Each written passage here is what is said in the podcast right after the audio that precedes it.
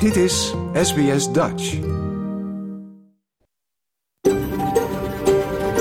SBS, a world of difference. You're with SBS Dutch on mobile, online and on radio. Dit is SBS Dutch op mobiel, online en op radio. Graag erkennen wij de traditionele eigenaren van het land van waar we vandaag uitzenden. SBS Dutch betuigt daar respect aan de Camaragal mensen en hun ouderlingen uit het heden en het verleden. Ook erkennen we de traditionele eigenaren van alle Aboriginal en Torres Strait Islander landen van waar u vandaag naar ons programma luistert. Een hele goede morgen. Mijn naam is Paulien Roesink.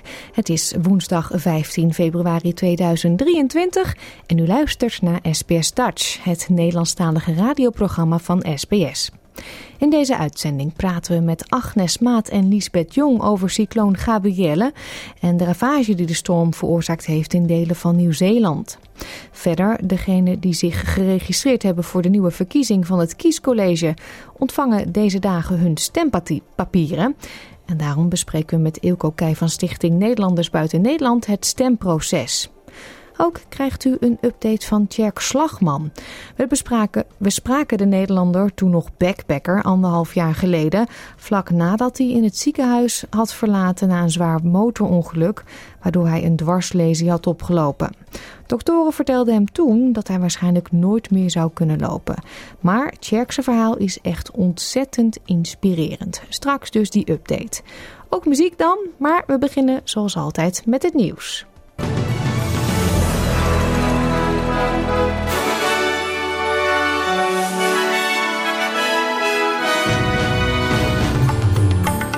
Dit zijn de headlines van het SBS Dutch nieuwsbulletin van woensdag 15 februari. Baas van de Australian Reserve Bank verschijnt vandaag voor parlementaire commissie. Queensland kampt met bosbranden en twee doden in Nieuw-Zeeland na cycloon Gabrielle.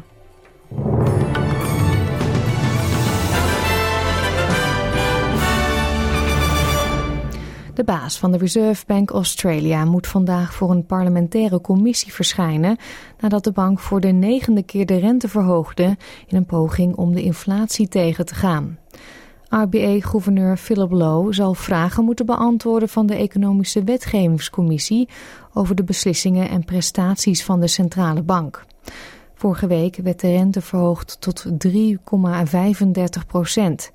En de bank voorspelde voor de toekomst meer verhogingen om de inflatie, die in het decemberkwartaal steeg naar 7,8% te remmen. Daniel Hunter, CEO van Business New South Wales, zei bij Channel 9 dat er een pauze moet komen op de renteverhogingen. I think consumer sentiment's at its lowest levels, actually lower than what it was during COVID. So what you've got is, if we take the example of, of your local restaurant or cafe, it's an easy one.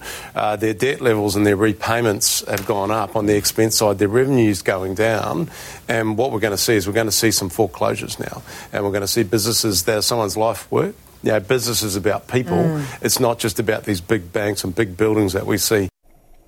Het parlement van het Northern Territory heeft een nieuwe wetgeving aangenomen die het alcoholverbod op het hele grondgebied herstelt. De oppositie beschuldigt de Labour-partij van draaien. De wet is gisteravond door het parlement aangenomen en zal naar verwachting eind deze week in werking treden. Hierdoor zal de verkoop van takeaway alcohol opnieuw verboden worden in Aboriginal towncamps en afgelegen communities die die rechten ook al kwijtraakte na de controversiële interventie van 2007. Oppositiepartij Country Liberal Party steunde de wetgeving, ondanks dat een whip Josh Burgoyne tegen Sky News zei dat anti-chief minister Natasha Files weigerde de fout van haar regering toe te geven.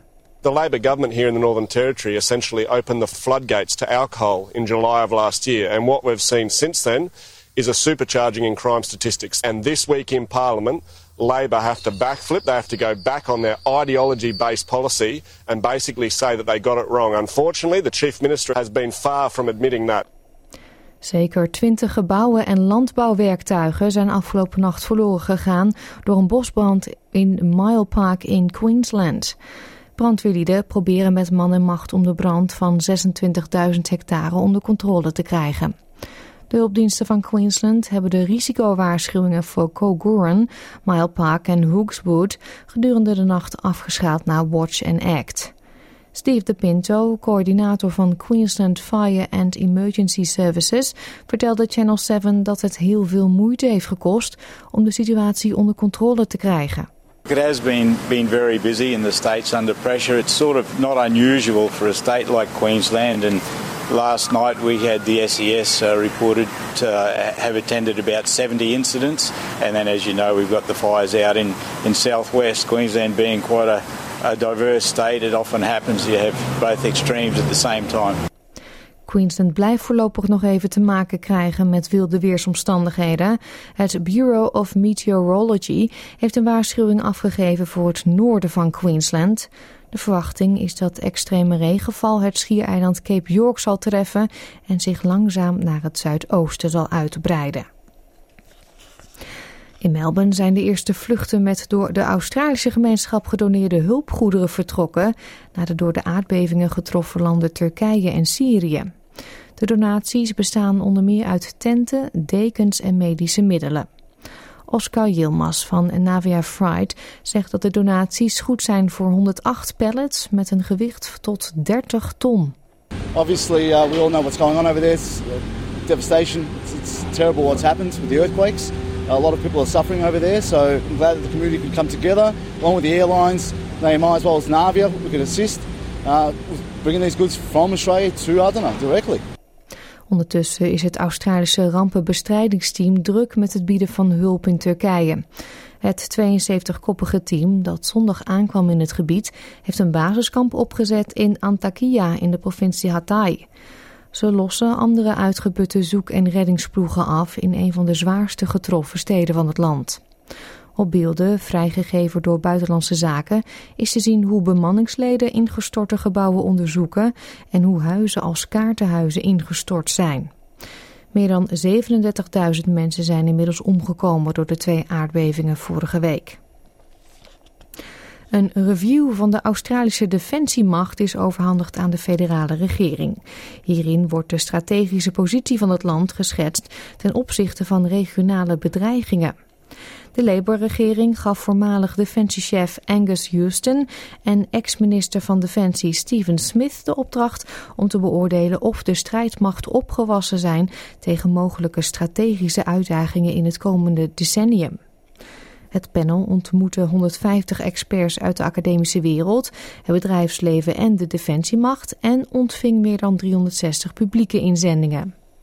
Bij de overhandiging van het rapport verzekerde Angus Houston premier Anthony, Anthony Albanese dat de snelle levering van het rapport geen invloed heeft op de waarde van hun bevindingen.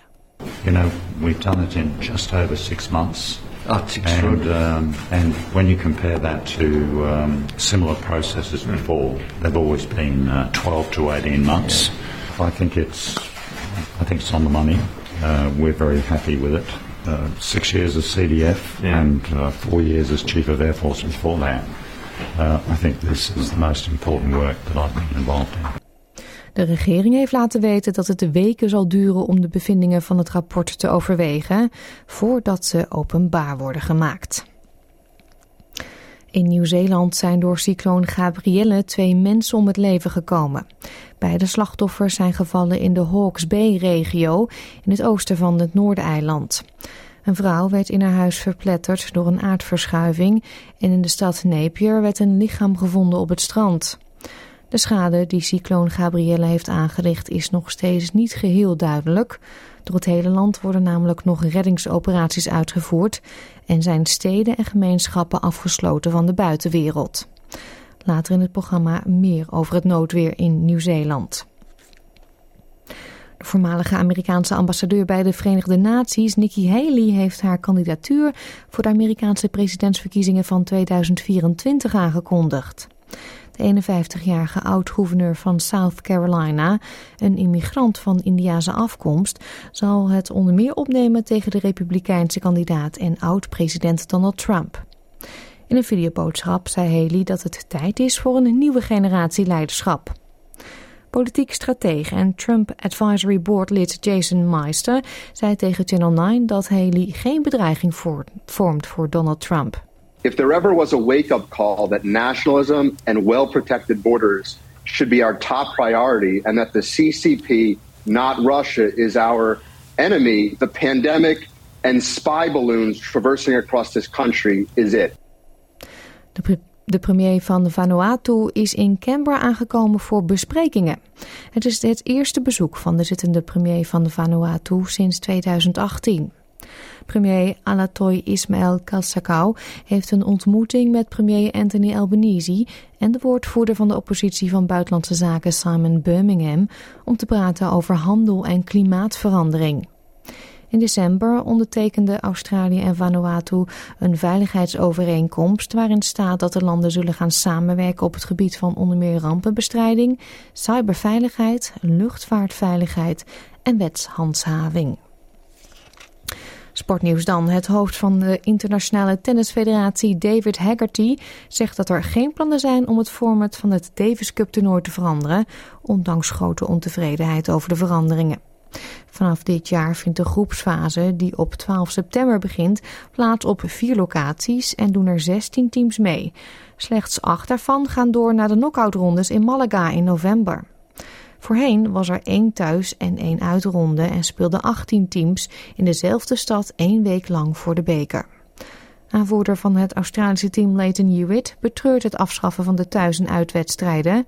Maar volgens de voorzitter van de ITF is de organisatie erg enthousiast over het nieuwe format.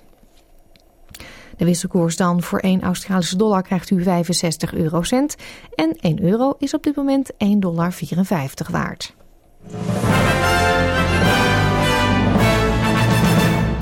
Kijken we natuurlijk ook nog even naar de weersverwachting voor vandaag. In Perth is het gedeeltelijk bewolkt en wordt het 26 graden. Adelaide, daar is het zonnig, 35. In Melbourne is het overwegend zonnig, 31 graden. Hobart ook overwegend zonnig, 26. Het is gedeeltelijk bewolkt in Canberra, 28. Wollongong gedeeltelijk bewolkt, 25. Ook in Sydney zon en wolken, 27 graden. Newcastle gedeeltelijk bewolkt, ook 27 graden daar. Brisbane, daar maakt men kans op een bui, 29. In Cairns vallen een paar buien met kans op onweer, 30.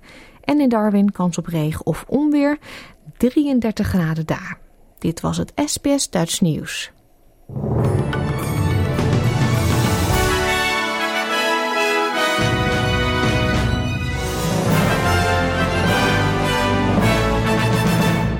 Nogmaals een hele goede morgen en welkom bij SBS Duits. Leuk dat u luistert. Straks praten we met twee Nederlanders in Nieuw-Zeeland over de ravage door cycloon Gabrielle. En geeft Jack Slagman, die anderhalf jaar geleden na een motorongeluk in een rolstoel belandde met een dwarslesie, een update over zijn revalidatie. En ik beloof u, het is een update waar u blij van wordt. Maar eerst verkiezingsnieuws. Dit is SBS Dutch. En ieder die zich geregistreerd heeft voor de aanstaande verkiezing voor het Kiescollege, dat is een nieuwe verkiezing speciaal voor Nederlanders die niet in Nederland wonen, ontvangt binnenkort het papierwerk om te kunnen stemmen. Het kan zijn natuurlijk ook dat u het al juist heeft ontvangen. Met Eelco Keij, voorzitter van Stichting Nederlanders Buiten Nederland, de stichting die er mede voor gezorgd heeft dat de niet-ingezetenen van Nederland voor het eerst invloed kunnen uitoefenen op de samenstelling van de Eerste Kamer, nemen we het stemproces door. En ook geeft hij een belangrijk, belangrijke tip om ervoor te zorgen dat uw stem op tijd overkomt. SBS Dutch, woensdag en zaterdag om 11 uur ochtends of online op elk gewenst tijdstip.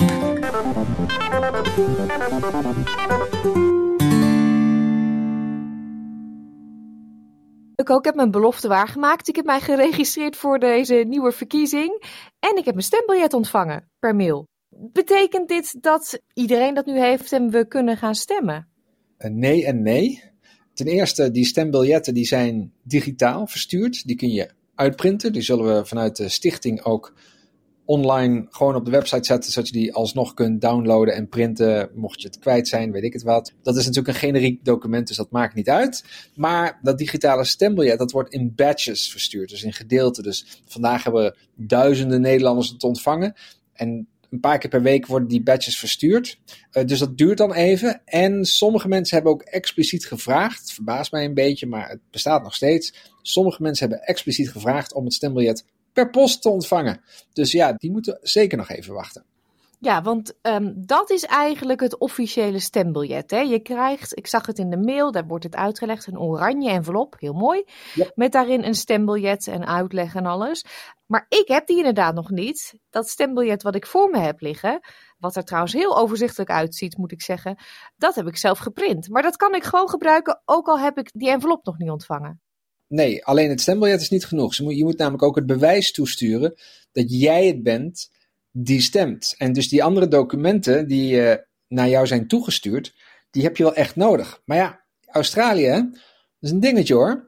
Ik overdrijf niet als ik zeg van iedereen die in Australië, Nieuw-Zeeland en ook landen daaromheen woont, vraag alsjeblieft nu al gelijk je vervangend briefstembewijs aan. Dat kan één digitaal en grappig genoeg krijg je het dan ook allemaal digitaal toegestuurd. En dan is het een kwestie van uitprinten en samenvoegen. Oké, dit vind ik dus best wel verwarrend. Want de mail die ik heb gekregen, het lijkt erop, uh, print je stembiljet uit, voeg daar een documentje bij, een kopietje van je paspoort of zo. En dan kan ik het terugsturen naar mijn ambassade of mijn consulaat. Ik heb de mail zo niet voor me, maar even kijken als het goed is. In de instructie staat heel duidelijk, als het goed is staat in die e-mail die je hebt ontvangen ook een uh, instructie attachment. Mm Daar staat wel heel duidelijk in dat je het briefstembewijs erbij moet doen. En ja, die heb je nog niet. Laat staan die, die envelop, die, uh, uh, dat stembiljet envelop en de oranje voorgeadresseerde retour envelop, die heb je allemaal nog niet. Ja, en, en dan kun je toch niet stemmen. Nee. Dus die documenten heb je nog nodig. En daarom zeg ik van wacht er nou niet op, want de post naar Australië, nou dat weten we allemaal. Dat is een, dat is een crime. Dus gewoon nu al het vervangend briefstembewijs aanvragen. En als jullie zo vriendelijk zouden willen zijn om die link er naartoe ook op jullie website te zetten. Met een, eh, groot uh, rood uitroepteken erbij. Want dat is de manier om toch nog succesvol je stem uit te kunnen brengen. En dit is eigenlijk altijd weer hetzelfde probleem. Iedere keer weer. Ja, het aantal geregistreerden varieert altijd van het aantal dat daadwerkelijk kan stemmen. Omdat deze verkiezingen gewoon niet altijd toegankelijk zijn. Nee, ruim 37.000 Nederlanders in het buitenland uh, hebben zich geregistreerd hiervoor. Kijk, het stembiljet, ik zei het al, het ziet er heel simpel uit. Je moet een partij aankruisen en dan het nummer, want je krijgt ook een, een lijst met partijen, kandidaten natuurlijk, uh, erbij. Maar waar vind ik nou waar ze voor staan? Dat zie ik niet. Nee, dat klopt. Wij als stichting, Stichting Nederlands Buiten Nederland, wij zijn bezig om een overzicht te creëren van, nou ja, deze kandidaten, maar dat, dat staat in deze attachment ook, maar ook alle links die relevant zijn voor hun standpunten. En uh, dat hopen we in de aankomende 48 uur te kunnen produceren. Ja, maar vanuit de overheid wordt zoiets niet uh, meegestuurd. Nee, dat gaat eigenlijk altijd via partijen zelf. Het is niet zo dat ook bij de Tweede Kamerverkiezingen dat de overheid zegt van nou, deze partij doet dit, deze partij doet dit. Dat is echt aan de politieke partijen zelf. Maar ja, goed, als stichting hebben we natuurlijk wel een rol om dit zo goed mogelijk voor het voetlicht te brengen. Dus we, gaan, we zijn het een beetje aan het verzamelen, dat iedereen ja, een zo goed mogelijk overzicht heeft. Maar niet alle partijen hebben een duidelijk standpuntenlijstje klaar. Dus we roeien met de riemen die we hebben. Ja, ja. stemwijzer is denk ik uh, wel bekend gegeven in Nederland bij verkiezingen. Um, hebben wij daar als Nederlanders in het buitenland ook wat aan om die nu te gaan doen? Of is die er helemaal niet voor provinciale staten? Ik zou het eerlijk gezegd niet eens weten, maar ook voor de Tweede Kamerverkiezingen daar hebben we niet zoveel aan. Want ja, tenzij je heel erg geïnteresseerd bent in alleen Nederland gebonden vraagstukken, dan wel. Maar ik verwacht dat de meeste partijen die nu mee gaan doen met deze verkiezingen voor het kiescollege, dat die zich juist zullen uitspreken op issues die voor ons in het buitenland van belang zijn. En dat zul je in zo'n stemwijzer nooit tegenkomen. Ja, en dat zal dus best wel eens kunnen verschillen van de partij waar je misschien normaal gesproken op stemt dat jij in dit geval op een andere partij wil stemmen, omdat die qua beleid voor Nederland in het buitenland wat voordeliger is of zo.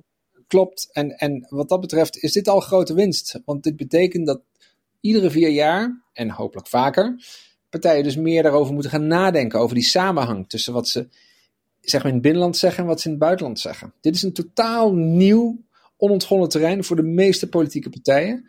En wat dat betreft is dit al winst. Dat, dat dit nu zo actief tussen de oren wordt gedrild. Al moest het allemaal ja, uh, op, op stel en sprong. Um, maar de volgende keer verwacht ik dat daar wat meer voorbereidingstijd voor is. En dat partijen dus ook beter beslagen ten ijs zullen komen. Want ja, het ging allemaal heel snel. Dus het, het is ook niemand kwalijk te nemen. Het, is, het moest allemaal heel snel en op een nieuw terrein voor veel partijen. Dus nou, dan krijg je af en toe wat leegtes nog. Nou is het zo, de mensen die we, waar we op gaan stemmen, die komen niet in een kamer of zo. Die krijgen eigenlijk, ja, kan jij het goed uitleggen? Ja, die krijgen het mandaat om direct voor de Eerste Kamer te gaan stemmen. Dus er wordt indirect voor de Eerste Kamer gestemd vanuit het buitenland. Maar dat gebeurt in Nederland ook. Want als je in Nederland zou wonen, nou zeg je woont in Noord-Brabant, dan stem je daar op een kandidaat van de Provinciale Staten. En die mensen, die kiezen dan weer direct de Eerste Kamer. Dus er is eigenlijk een extra provincie gecreëerd, een soort buitenlandprovincie, zodat die getraptheid, dat indirecte systeem, net zo eerlijk is als wanneer je in Nederland zou wonen. Ah, kijk. Ja, de stembussen zijn een soort van geopend, hè? Ja, en dat is grappig, want ook dat gaat dus in badges, maar voor een grote groep Nederlanders zijn die inderdaad geopend. Sterker nog, ik heb al van verschillende kanten gehoord dat ze al gestemd hebben. Ja, dus um, goed op die brievenbus letten, die oranje envelop. maar eigenlijk zeg jij daar niet op wachten. Ga meteen online. We zetten die link op onze website. Ga online, vraag je vervangend briefstembewijs aan, print je eigen stembiljetje, kopietje van je paspoort erbij en stuur het op naar je consulaat of ambassade. En dan. Dat is niet alleen de beste, maar vermoedelijk ook voor de velen bij jullie de enige manier om succesvol te kunnen stemmen. Nou, dankjewel voor deze uitleg weer. Graag gedaan. Happy voting! Ja, alle informatie die zojuist besproken is en ook de adressen van bijvoorbeeld het consulaat en de ambassade vindt u op onze website www.sbs.com.au/dutch. We maken voor één keer een overstapje, of een uitstapje eigenlijk, over zee naar Nieuw-Zeeland. Want voor de tweede keer in korte tijd is Auckland daar getroffen door noodweer. Dit keer was cycloon Gabrielle de veroorzaker van veel schade aan huizen en wegen. Agnes Maat woont aan de westkust bij Auckland in Muriwai Beach en vertelde gisterenmiddag over de ernstige situatie bij haar in de buurt. De afgelopen 24 uur waren super intensief. We hadden eigenlijk gedacht dat we aan de westkust eh, best wel goed zaten, omdat de orkaan Gabriella verwacht was eigenlijk meer langs de oostkust te razen. Maar um, ik heb zo'n hele interessante app, dat heet windy.com. En daar konden we ineens zien dat hij toch een soort van wervelende ommezwaai maakte richting ons. Dus, dus, toen begon eigenlijk de wind al van de andere kant te komen, uh, meer van zee. En wij zitten echt met uitzicht op zee best wel, nou, niet heel erg exposed, wel wat bomen, maar toch wel, uh, ja, het is gewoon onwijs waaierig. En ja, toen kwam daar eigenlijk um, steeds meer wind en vooral die regen. Dat was eigenlijk nog wel het ergste, dat het plenste uit de hemel. Nou, toen uh, gingen we dan op een gegeven moment toch maar een beetje aanstalten maken om te gaan slapen. En om tien voor elf s'avonds ging de sirene in het dorp. Uh, wat dan vaker gebeurt als er een, een ongelukje is. Of, de, of ik dacht, nou, misschien is een boom omgewaaid en dan moet de brandweer even komen. Dus dan uh, gaat de brandweer eruit en dan, dan hoor je die sirene. En uh, nou, dat gebeurde. En toen hoorde ik mensen buiten roepen en praten. Dus toen dacht ik, het is er aan de hand. Maar het was zo rot weer dat je ook zoiets had van, nou, moeten we nou naar buiten lopen om dan te kijken wat er gebeurt. Dat, deden we toen nog niet. Maar um, liggend, op een gegeven moment kwam er een telefoontje van de buurman die zei, we hebben net de oude dame aan de over, van de overkant hebben we uit het uit haar huis uh, gehaald, want uh, er is een slip en het huis dat staat ongeveer op instorten. Dus we, we hebben haar binnen, maar we moeten evacueren. En uh, het, het, was gewoon eigenlijk een soort van bericht van hem en ineens ook bericht op onze telefoon, dus zo'n echt alarm, alarm wat afgaat. Dat je dan je spullen op moet pakken en eigenlijk moet evacueren. Gewoon naar een andere plek proberen te komen. Dat was om één uur, denk ik. En toen dachten we van, nou ja, dat moet dan maar. Dus we gingen al uh, spulletjes pakken. Maar toen hoorden we weer die buurman die zei: Ik heb met de plaatselijke autoriteiten gesproken, met een politieman. We kunnen blijven, want we zijn niet echt een risicogebied, of tenminste huis. Uh, voor mij was het een enorm uh, ja, onrustig gevoel. We zitten niet precies met een, een heuvel achter ons. Dus er was ruimte tussen de heuvel en ons. Dat zat dan een ander huis en een weg en nog weer een huis. Maar dus bleek dus vanochtend dat er iets van drie huizen in onze straat echt gewoon naar beneden zijn geslipt. Maar wel zodanig dat ze gewoon echt helemaal plat en nou, gewoon schuin hingen en verschrikkelijk. Nou, eigenlijk het allerergste wat er gebeurde vannacht, en dat hebben we eigenlijk vanochtend dan pas gehoord, dat er een, dat er een brandweer was, jonge brandweerjongens die hielpen bij een ander huis. Dus in het midden van het dorp was een, uh, waren twee huizen naast elkaar en die zaten in een enorme slip. Dus ja, een slip dat is echt dat er dan vanaf een hoger gelegen plek uh, de aarde zodanig doorweekt is met water dat het dan naar beneden zakt en dat het alles meeneemt wat het maar tegenkomt. Dus bomen, stukken gras.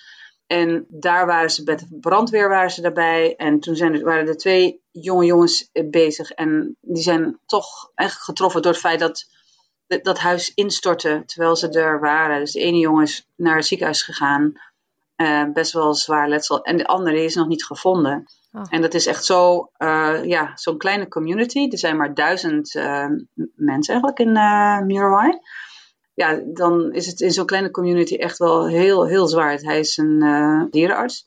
En dan ook nog in zijn vrije tijd doet hij brandweer. En had net een, net een dochtertje of een kind van negen maanden of zo. Dus het is allemaal heel, heel, heel zwaar en naar. En hij is nog niet gevonden. Dus ik, ik weet gewoon niet wat er met hem gebeurd is. Maar toen we dus deze ochtend vroeg uh, dachten van nou, dan, we moeten uh, zorgen dat we zelf uh, veilig zijn. Want ze bleven maar piepen de hele nacht met van je moet weg, je moet evacueren. We hadden contact met onze buren. Ehm, zij, zijn, zij waren in de surfclub al opgenomen. Dus ze hadden twee kleine kinderen en de oma, het zijn Italianen en de oma uit Italië was er ook. Dus ze zijn met het hele gezin zijn ze weggegaan en in de surfclub hebben ze overnacht wij zijn wel in ons eigen huis geweest, maar ja, gewoon geen oog dicht gedaan. Het was gewoon uh, zo eng. Dus toen het helder werd, toen licht werd, toen konden we echt pas goed zien wat er allemaal was gebeurd. En ja, toen werd gezegd, de, hele gebied, de hele vallei moet leeg. Dus iedereen moet echt weg, want we willen niet dat er uh, slachtoffers vallen. Dus eigenlijk nu zijn we geëvacueerd. Um, we hebben alles achtergelaten. We hebben wel de, de poes opgepakt en uh, de vriezer leeg had en de ijskast. Want ja, er is ook geen stroom al die tijd. En ook toen we uiteindelijk dus wel wegkwamen vanuit onze straat, toen werd ook heel erg, uh, ja, we werden enkel drie keer aangehouden van, oh, kun je ons vertellen waar je was en wat is je adres? En is er niemand meer achter? En ze hebben het heel secuur gedaan. Ze zijn ook daarna ons nog weer gaan bellen. Dus ik denk dat we inderdaad wel dat ze wel vier keer gecheckt hebben of we veilig waren en, uh, en dat, we, dat het huis leeg was. Doordat we twee weken geleden eigenlijk een relatief onaangekondigde, uh, nou ja, onwijze regenval hebben gehad.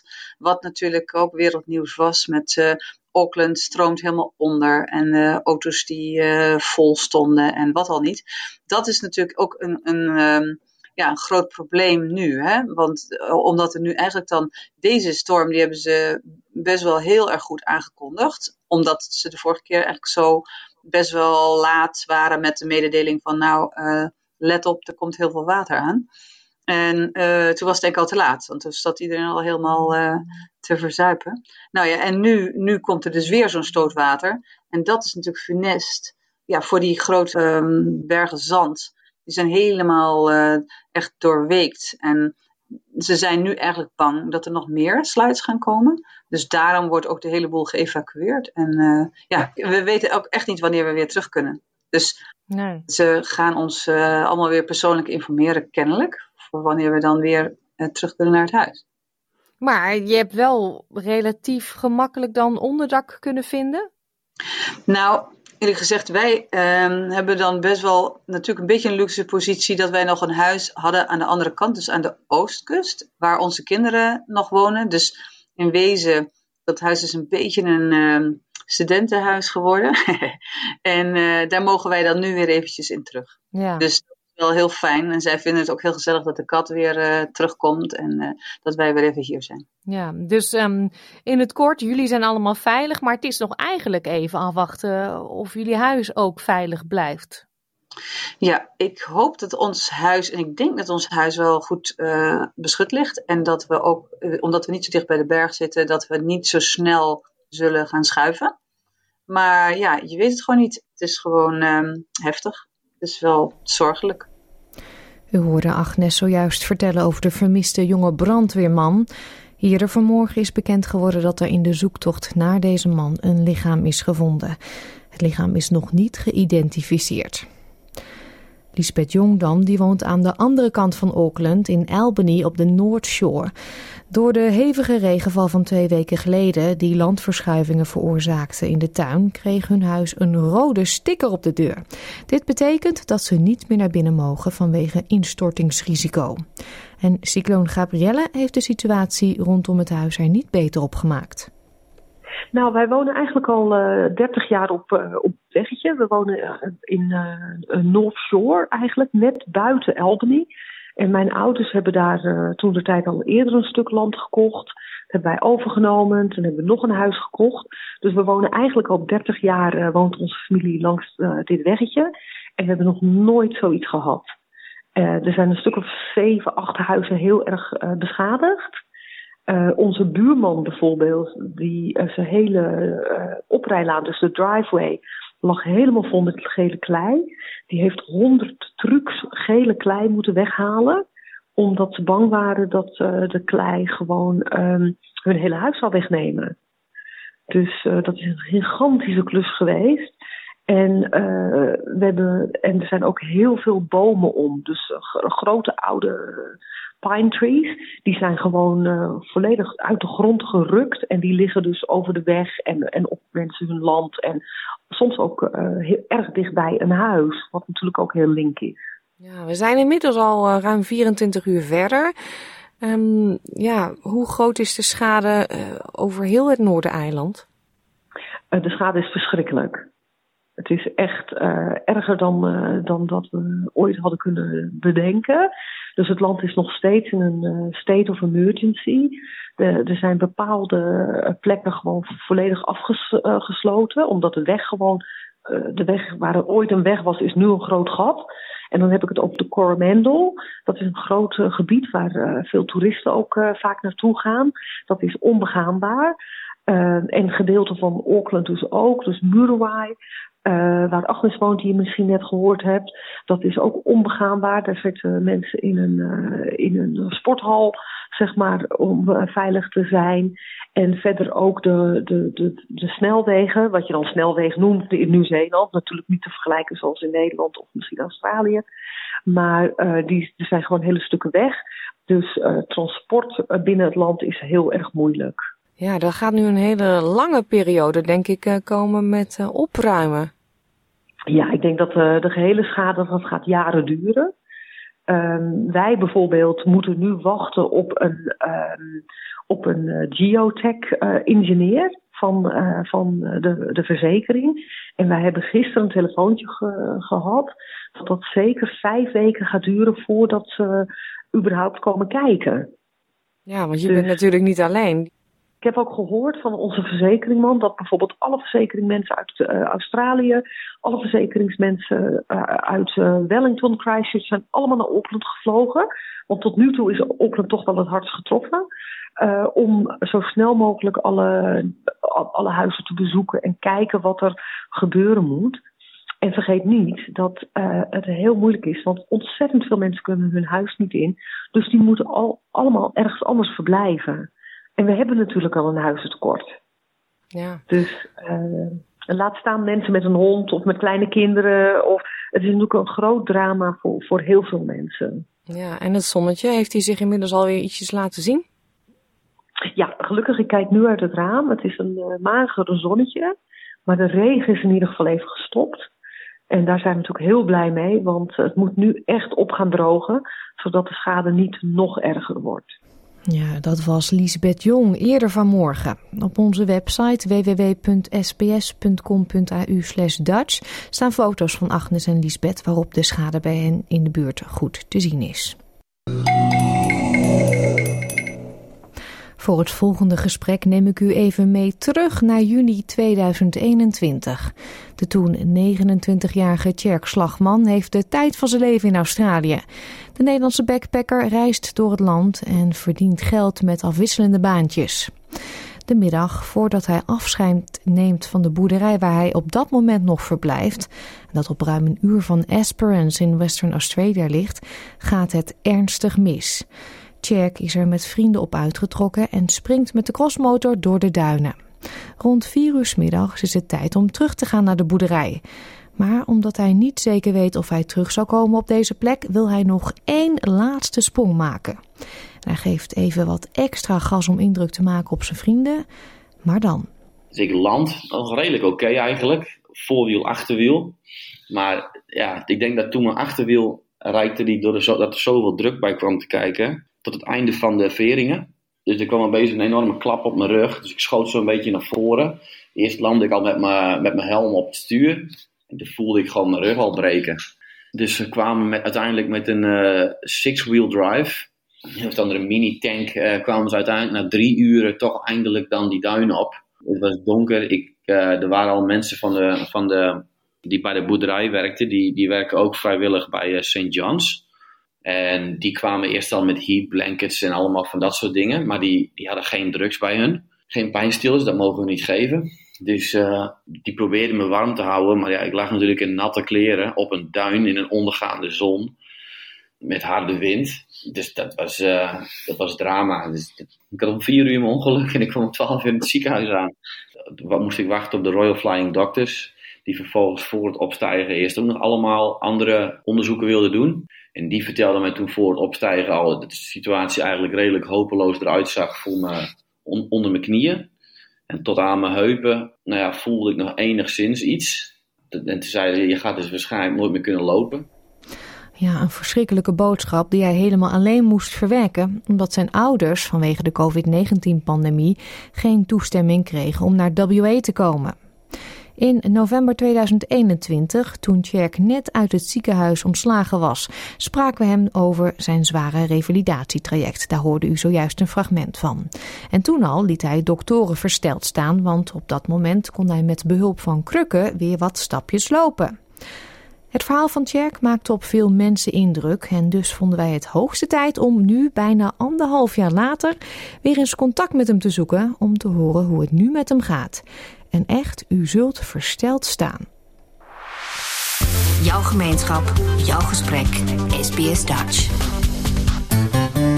Het gaat hartstikke goed met mij. Ik zit nog op mijn plekje in Perth. Nog steeds? Nog steeds. Ik ben inmiddels wel eventjes terug naar Nederland geweest. Zodra de grens open ging, ben ik twee maanden terug geweest. En toen weer hierheen en we revalideren rustig verder. Maar ho, jij zegt dus ik ben naar Nederland geweest. Dat is niet een vlucht van een paar minuten. Dan moet je in een behoorlijke goede conditie geweest zijn. Ik was toen nog op krukken en inmiddels zonder, ja. Dat meen je niet. Ja. Uh, lang verhaal kort. Ik denk dat ik uh, ja, wel heel, heel, erg, heel erg mazzel heb gehad, ja. En wilskracht. Ja, maar die heeft iedereen denk ik wel. Dat ja? begint allemaal met mazzel, denk ik, ja. De dokters die tegen jou zeiden destijds: ja, sorry, uh, je bent verlamd, je kan waarschijnlijk nooit meer lopen. Ik neem aan dat je die uh, nog wel eens ziet. Ik heb ze allemaal uh, ja, de hand geschud. Inclusief de mensen die mij echt uit de duinen gehaald hebben. Ik ben nog terug geweest in Esperance. iedereen kunnen bedanken. En ja, iedereen zeg maar kunnen laten zien waar zij het voor doen. Want dit gebeurt eigenlijk nooit denk dat dit wel een succesverhaal is dat hun ook allemaal heel erg goed gedaan heeft. En de doktoren, ja, die, nou ja, die, die zien het misschien eens een keer vaker. Die weten dat het eventueel misschien zou kunnen, maar ja, die zijn natuurlijk ook, uh, die waren met stomheid geslagen, dat zeker. Ja, helemaal. Nu jij zonder krukken loopt, je zei tegen mij vooraf zelfs, ik ben een beetje aan het joggen. Ja, ik ben nu uh, net naast, een uur na dit interview heb ik mijn volgende interview. Dat is voor de HBF Run for a Reason. Dat is een loop hier in mei. En dan ga ik een fundraiser organiseren, inderdaad, uh, voor Spinal Cord Injuries Australia. Ik ben van plan de 12 kilometer te rennen. Ik ben nu net begonnen met rennen, noem het rennen. Het, mag, het mag eigenlijk geen rennen heten, denk ik, maar het is een soort van rennen. Dat wordt even flink aanpoten de komende maanden. En dan hoop ik dat wel te halen, ja. Ja, en wanneer gaat dat plaatsvinden dan? 21 mei. ja, dat, uh, dat is over drie maanden, iets meer dan drie maanden. Ja, ik heb net besloten vorige week in plaats van de halve marathon naar 12 toe te gaan. Het grote doel om dit voor mij af te sluiten was een halve marathon. Of eigenlijk de marathon, maar die, die komt dan later wel. Dat is nu gewoon nog niet haalbaar. Ik heb nu zo lang op de bank gezeten, naar de gym, op de bank, naar de gym. Chagrijnig tegen iedereen gedaan, maar dat ik altijd zo moe ben. Dat heb ik er nu eventjes niet meer voor over. Dus ik ben een stapje naar beneden gegaan. Ja. Neem ons nog eens mee terug naar dat hele proces. Want uh, de doktoren zeiden dat, dat, dat, ja, hou er rekening mee, je kan niet meer lopen. Toen zei jij al in het vorige interview, haha, dat zal ik ze wel eens even laten zien. Toen ging je al heel goed. Um, hè, kon je af en toe um, volgens mij kleine stapjes maken met de krukken? Ja, zeg maar, ja. Functioneel was het toen nog niks. Dat was, ik, ik heb met jullie gesproken toen ik net uit het ziekenhuis was. Ja. Dus toen deed ik alles in principe in de rolstoel. En in huis waren een heel klein huisje, wat heel handig was. Hoef je niet meer dan 5 meter te lopen. Maar toen telde ik inderdaad echt nog wel uh, per 10 centimeter de afstanden die ik liep. Ja, dat is door de, dat is door de afgelopen maanden heen. Is dat van, uh, van rolstoel naar nooit meer in een rolstoel, maar altijd met krukken. En na negen, of ongeveer negen maanden na mijn ongeluk uh, begon mijn linkerbovenbeen heel langzaam terug te komen. En daarmee kwam ook functionaliteit langzaam terug. Tot, een, tot op een punt nu dat ik dus inderdaad zonder krukken ben. Uh, ik ben weer aan het werk. Um, en wat voor werk doe je? Ik ben de zorg ingegaan. Ik haal nu verlamde mensen uit bed. Wauw. Ja, andere mensen die niet zo, uh, niet zo mazzel als mij hebben, uh, kijken of ik daar een rol van betekenis kan, kan spelen. Zowel mentaal als nou, gewoon als, als thuiszorg. Ja, en hoe vinden die mensen dat dan als jij aan hun bed verschijnt? ze nemen denk ik voor mij wat makkelijke dingen aan. Dat is wel, dat is wel denk ik een heel groot voordeel. Ze hoeven mij ook vrij weinig uit te leggen, want ik denk toch al soort van hoe zij denken. Dat is voor hun heel erg lekker. Uh, in de thuiszorg is het niet alleen maar verlamde mensen. Dus heel veel mensen is het nog steeds nieuw voor die bij hun over de vloer komen. En ze moeten maar weer uitleggen. Want ieder verlamd mens is ook weer net wat anders. Dus ieder dwarslezen is gewoon net wat anders. Dus ook in de hulp die ze daarbij nodig hebben. Uh, dat is heel vermoeiend. En dat, ja, dat, dat hoeft bij mij denk ik allemaal wat minder. Hmm. Dat is zeker een voordeel. Ja. ja. Maar ze kunnen ook denken, ja, hij staat daar wel. Ja, nou, zo heb, zo heb ik het gelukkig nog niet gehad. Daar was ik inderdaad heel erg bang voor. Dat ik, ik was inderdaad in mijn hoofd heel erg daarmee bezig. Dat zal inderdaad, ja, ja je krijgt van die, ja, jij hebt makkelijk praten. Achtige, maar dat is het eigenlijk helemaal niet. Dat heb ik wel een beetje met vrienden van het ziekenhuis, of de jongens met wie ik in het ziekenhuis heb gelegen. Die hebben inderdaad wel eens af en toe zo'n soort opmerkingjes gedropt. En dat snap ik ook wel. Dat is dan, dan heb je het er even over. En dan, uh, ja, ja, dat is natuurlijk helemaal geen afgunst, maar wel van ik zou dat ook willen. Ik zou dat net als jij willen. Het is gewoon jaloezie. En dat is uh, niet meer dan logisch ook, ja. Ja. Um, dit ongeluk gebeurde toen jij hier als backpacker was. Nou hoor ik jou zeggen, ik ben hier nog steeds en ik werk in de zorg. Ja. Is dit je nieuwe thuis? Is het jou ook gelukt om hier voor lange termijn uh, te blijven? We zijn in afwachting van de, van de immigratiedienst al, uh, nou, inmiddels al negen maanden geloof ik. Maar mijn vriendin die, die, die start een sponsorship inderdaad. En daar sta ik dan ook bij op. Dus we zijn wel in het proces om hier te blijven, zeker, ja. Ja, wat vinden je ouders daarvan? Want ja, dit ongeluk gebeurde tijdens oh. COVID. Zij konden niet naar jou toe. Dat was natuurlijk dramatisch voor hen. Ja, nee, dat was daarom uh, toen de grenzen open gingen vorig jaar maart, april. Toen, ik was inderdaad toen in april meteen thuis. En dat was wel even heel erg nodig. Veel tijd met hun doorgebracht, zodat ze allemaal even konden zien hoe het ging. En want je zegt altijd wel dat het goed gaat, maar zij bellen altijd met mij door het tijdverschil. Wanneer ik al getraind heb en al wat chagrijniger of kortaf vaak ben. Gewoon vermoeidheid. Dus zij zien mij vaak op de bank liggen. En ik zeg wel dat, dat ik dingen doe, maar ze moeten dat toch met eigen ogen zien, denk ik. En uh, ja, ik zie ze volgende week weer. Ze komen volgende week hier. Dus uh, ik, daar heb ik heel veel zin in. En dat gaat een heel groot verschil zijn met vorig jaar april en nu. Ja, dat gaat een heel ja. groot verschil zijn weer. Ja. Functioneel weer veel, veel beter. Wat ik zei, ik, ik, ben, ik ben in Nederland gestopt met krukken gebruiken.